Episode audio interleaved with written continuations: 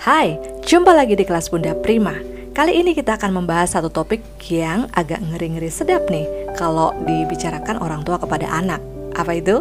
Sudah bisa nebak ya? Pendidikan seks untuk anak.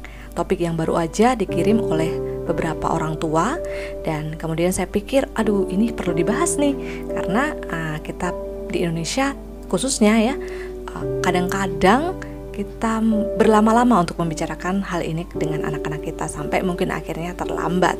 Jadi, kalau ada yang punya topik-topik concern lain yang perlu dibahas, bisa ditulis di bawah komentar ya dan juga jangan lupa subscribe di channel ini. Nah, kita akan bahas hal ini dalam tiga rangkaian seri yang pertama kita akan bicara tentang fondasinya terlebih dahulu, fondasi pendidikan seks untuk anak. Kemudian kita akan mengenalkan seperti apa sih sexual abuse itu dan tanda-tandanya dan bagaimana anak-anak harus menghindarinya. Yang ketiga, kita akan bahas beberapa pertanyaan yang sering ditanyakan oleh anak-anak kita tentang seks dan cara menjawabnya dengan simple dan mudah.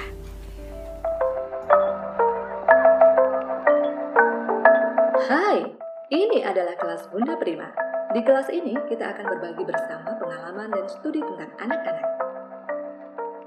Anak-anak adalah anugerah Tuhan.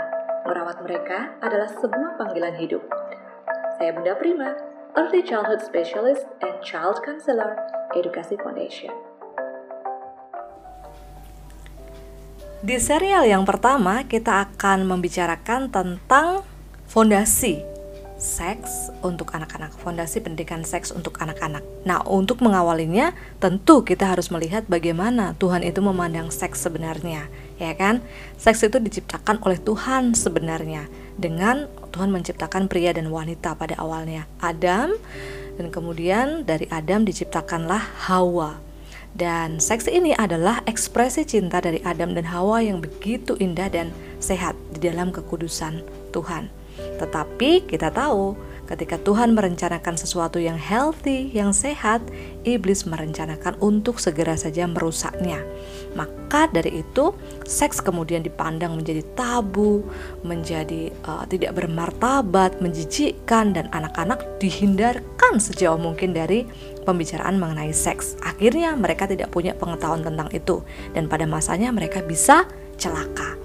Sehingga sebagai orang tua kita mesti kembali ke perspektif yang awal ya, bahwa seks itu diciptakan oleh Tuhan dengan sehat untuk ekspresi cinta dua manusia yang uh, berlawanan jenis ya, pria dan wanita.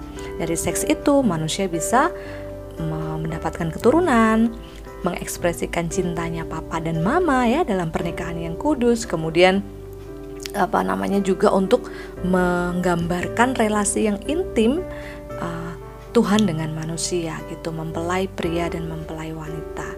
Sehingga ini menjadi sebuah gambaran yang sebenarnya sangat indah yang perlu kita ceritakan kepada anak-anak kita sesuai dengan usia mereka. Nah, ada beberapa kunci yang perlu kita perhatikan sungguh-sungguh di dalam membangun fondasi pendidikan seks untuk anak. Yang pertama adalah bahwa Tuhan menciptakan manusia itu pria dan wanita. Nah, ini saya dapatkan dari uh, training di Kids Reach ya. Jadi, hai rekan-rekan dari uh, Sun Focus. Ini saya dapatkan dari rekan-rekan di Sun Focus. Terima kasih karena ini sangat menolong sekali ya. Kita bisa pakai boneka seperti ini untuk mengajarkan kepada anak-anak bahwa Tuhan tuh menciptakan pria dan wanita dan dua-duanya berbeda ya dua-duanya berbeda.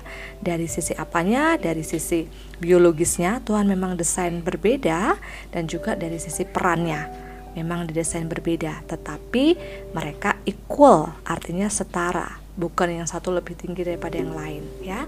Tapi mereka setara hanya berbeda.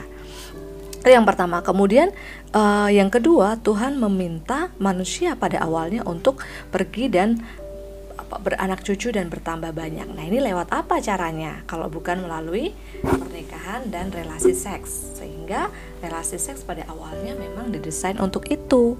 Gitu. Sehingga memang harus pria dan wanita, tidak bisa tidak bisa yang lain ya. Dan kemudian eh, Tuhan menciptakan itu dengan indah ya, wonderfully made. Manusia diciptakan wonderfully made. Include segala sesuatu yang uh, menyertai kehidupan manusia itu termasuk seks ya.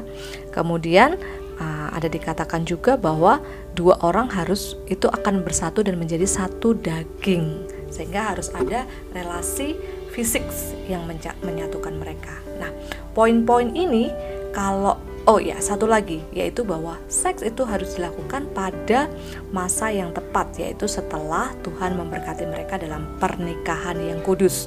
Sebelum itu itu namanya seks yang harmful atau merusak tidak pada waktunya, tidak tepat, mencederai kepercayaan yang diberikan sehingga nanti akan konsekuensinya akan sangat panjang ditanggung. Nah, hal-hal ini, poin-poin ini harus kita terus ceritakan kepada anak-anak kita di dalam bahasa yang sederhana. Nanti dalam serial selanjutnya kita akan bicara bahasa yang sederhana, bahasa yang sederhana itu seperti apa sih untuk menjelaskan ini semua ya sekarang. Oke, kita akan lanjutkan ke serial yang kedua. God bless you.